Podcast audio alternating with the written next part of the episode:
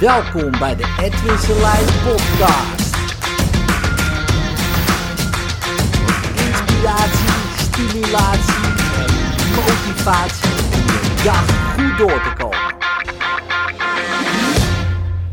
Wanneer je mensen heel letterlijk neemt in wat ze zeggen, ehm, dan is dat soms uh, super interessant uh, wat er dan gebeurt. Want mensen praten heel veel in metaforen. je kent uitdrukkingen wel, ligt als een steen op mijn maag. Of ehm, ja, ik heb een band, zo voelt het, weet je wel, als een band die strak op mijn hoofd zit. Als je dan opeens vraagt van, uh, goh, uh, hoe ziet die band eruit? Dan denk je, hé, hoe bedoel je? het was maar een um, figure of speech, zeg maar. Hè? Dus gewoon um, een soort van gezegde. Maar dat is niet zo. Want je had net zo goed zeggen, er kunnen spijkers in mijn hoofd zitten. je kan van alles zeggen, maar jij zegt een band. Dus als je vraagt hoe ziet die eruit, dan kunnen mensen opeens zeggen van, nou ja, het is net als zo'n stalen band om mijn hoofd. Nou, uh, slijp maar eens door. En wat er dan gebeurt, is, uh, is interessant. Bij heel veel mensen is het dan opeens, oh, verlichting. Ze hebben die metafoor uh, opgelost. Zo had ik een keer een mevrouw in mijn praktijk die had een dissociatieve persoonlijkheidsstoornis. En misschien heb je dat verhaal wel eens gehoord. Maar um, ook heb ik dat, hebben we, dat helemaal opgelost uh, met metaforen. Dus ik weet uh, niet waar het vandaan kwam. Um, ik weet niet wat er precies uh, allemaal aan de hand was. Hè, waardoor zij dat allemaal deed. Hè, dus zij was niet in haar lichaam. Ze kon niet in haar lichaam uh, meer komen. Ze voelde zich de hele tijd afgezonderd zeg maar, van de lichaam. Wat dan natuurlijk een hele interessante uitspraak is. En ze zag zichzelf, zeg maar, daar, daar beneden. Nou, als iemand zich zo dissocieert hè, van, van zijn of haar lichaam, ja, dan, dan komt dat door trauma. Ja, want het doet te pijn om in het lichaam te zijn. Nou, dus we waren zo aan het praten en zij wees de hele tijd naar de keel. Dus ik zeg, wat zit daar? Ja, het, zegt, uh, het is net alsof daar een plaat zit. dus ik heb wel mijn hoofd, maar mijn lichaam eronder, alsof daar een plaat zit. Daar kan ik niet bij. Ik zeg, hoe ziet die plaat eruit? Ja, het is een stalen plaat. Ik zeg, hoe zit die vast? Nou, van die soort van die klinknagels. Ik zeg, hier heb je een apparaat om dat te verwijderen. Dus zij verwijdert dat gewoon hè, in, de, in haar fantasie, zeg maar. Ik zeg, wat gebeurt er nu? Ja, die plaat is weg. Wat is er nu? IJs. En ik dacht, oh, dat is interessant, ijs. IJs is water, hè, bevroren water, uh, zoals je wel weet. Maar het symbool van water is emotie. Of emotie is symbool uh, water. En, en bevroren emotie, dacht ik. Oh, ik. Ik zeg, nou, hier heb je een bijl, hak maar een wak. Dus zij hakt dat. En in één keer kwam er een ontlading, gigantisch, van echt tranen. Echt, die tranen gingen letterlijk uh, recht uit haar ogen. Dat had ik echt nog nooit gezien. Echt bam, alsof het daar gewoon echt, alsof er druk op stond, weet je wel. Uh, en ik schrok eigenlijk, wat ik niet verwacht. Het is, echt best wel even een ontlading zo. Boep, de, de druk eraf. Ik zeg, wat is er nu? Bagger. Oké. Nou, daar komt de baggerschuit. Haal alle bagger maar weg. Nou, zij gedaan. Ik zeg, hoe is het nu? Nu is er gras. Wow, zegt, ik ben voor het eerst weer in mijn lichaam sinds jaren. Dus als je even los van de metafoor, want we hebben het ook niet ik heb ook niet gevraagd waar stond het voor of die bagger of ik denk, dat deed ik niet, dat is ook jaren geleden. Nu zou ik daar misschien wel iets meer over vragen, maar ik denk, nou ja, zij voelt zich weer prima. Um, en nog steeds. Maar het interessante is van, als je kijkt, die metafoor, je, je hebt daar wel een idee bij, wat daar natuurlijk, hè, dus Eerst is een bevroren emotie. En je mag niet voelen. Opeens kan je voelen. Nou, boom. Die, dat ijs eh, is weg. De bagger. Ja, de bagger is natuurlijk gewoon alle shit die je hebt meegemaakt en alle ellende en dit. Maar ja, dat wordt allemaal opgeruimd door een baggerschuit. Dat doet zij allemaal. Zij doet het allemaal. En opeens is er gras en opeens is ze weer in de lichaam. Dus we hebben niet gepraat over, oké, waar komt die bagger dan vandaan? En wat is die bagger dan? En die bagger heb je natuurlijk daar neergestort door je vader of je moeder of weet ik veel wie dit allemaal neergestort hebt. ijs. Ja. Wie heeft dat gedaan? Wie heeft je laten bevriezen? Weet ik veel. Kijk, in die end hè, doe je het allemaal zelf. Jij maakt er ijs van. Jij doet die plaat. Jij uh, laat die bagger liggen. Ja, dus. En um, het is niet iemands schuld.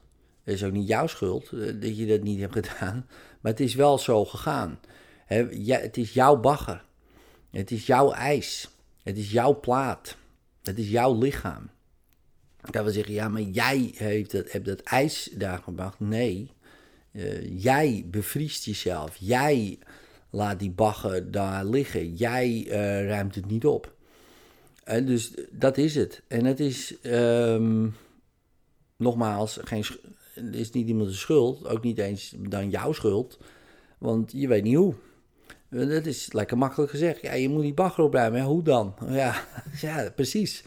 Ja, daar heb je vaak dan hulp bij nodig. Net als dat je hulp nodig had om er überhaupt bagger neer te flikkeren. Heb je ook hulp bij nodig gehad. iemand heeft je getraumatiseerd, iemand heeft je uitgescholden, iemand, daar had je ook hulp bij nodig om je zo shit te voelen. Vaak. Niet altijd. Soms, uh, sommige mensen die voelen zich shit zonder reden. die, die, heb je ook. Maar de meeste hebben daar hulp bij gehad. Klinkt gek, hè, hulp, maar uh, ja, iemand anders. Dus vaak heb je dan ook iemand anders nodig om je te leren om het weer zelf anders te doen. Kijk, zelf ben je, heb je, ben je dat ook gaan doen. Hè, met hulp. En het was vaak een, ja, had je daar een goede reden voor. Maar goed, op een gegeven moment werken dingen niet meer. En dan moet je iets anders gaan doen. Nou ja, maar vaak heb je daar dan ook hulp bij nodig. Ja, zo simpel is het. En uh, dat is helemaal niet gek, dat is helemaal niet vreemd. Uh, want ja, je weet ook niet alles. Uh, en als je dat iemand dan leert om het op die manier te doen, dan eh, kan je best wel heftige dingen hè, die je hebt meegemaakt, op een vrij simpele manier oplossen. Kijk, zoals ik het nu vertel, die sessie duurde denk ik anderhalf uur.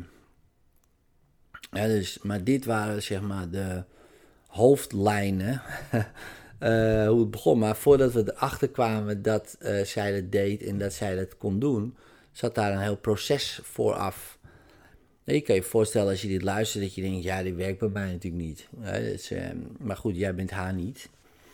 Uh, en zo simpel is het. En ik heb dat heel vaak gedaan, zo op deze manier, met metaforen. Heb ik ook mensen van een depressie afgeholpen, van pijn afgeholpen.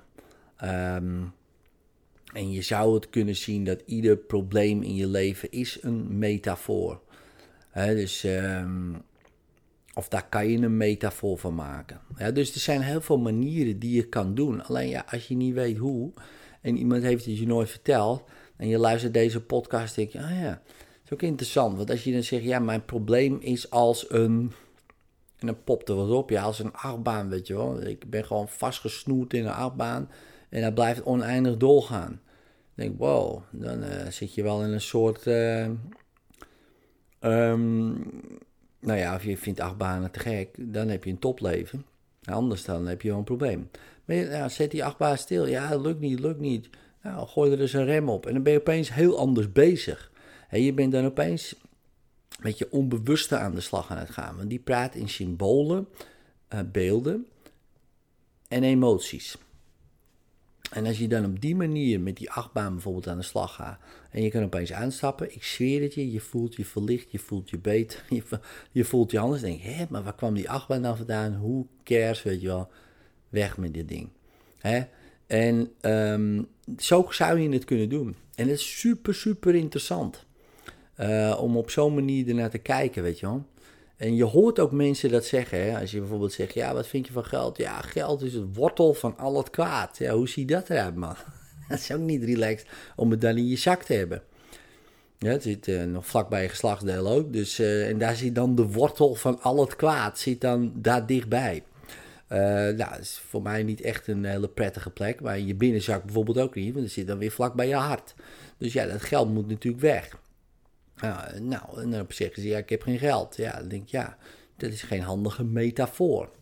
Ja, want dat heeft effect op je onbewuste. En je denkt, het is maar een uitspraak, ja, voor je cognitieve brein je ratio is het maar een uitspraak. Maar voor je onbewuste is het gewoon, die verwezenlijkt letterlijk uh, bijna in gevoelens en emoties uh, jouw metafoor. En want als je zegt, um, mijn familie is als een warme deken, is heel wat anders als mijn familie is als een, als een isoleercel. Uh, dus ik bedoel, alleen al die twee uitspraken hebben gewoon een effect, die associatie. En als jij dat echt gelooft ook, ja, nou dan weet je wel wat voor effect dat heeft in je lichaam wanneer jij bij die familie komt. Als je denkt een warme deken per verjaardag of een koude isoleercel. Nou, heb je geen zin om naar je familie te gaan. Ja, dus... Um, en hoe het is ontstaan, oké, dat is weer een heel andere podcast. Uh, daar gaat het nu even niet om. Maar ga voor jezelf is ook mee aan de slag. Van hoe um, ja, zie jij dat bijvoorbeeld? Geld is als, het leven is als, uh, mijn relatie is als.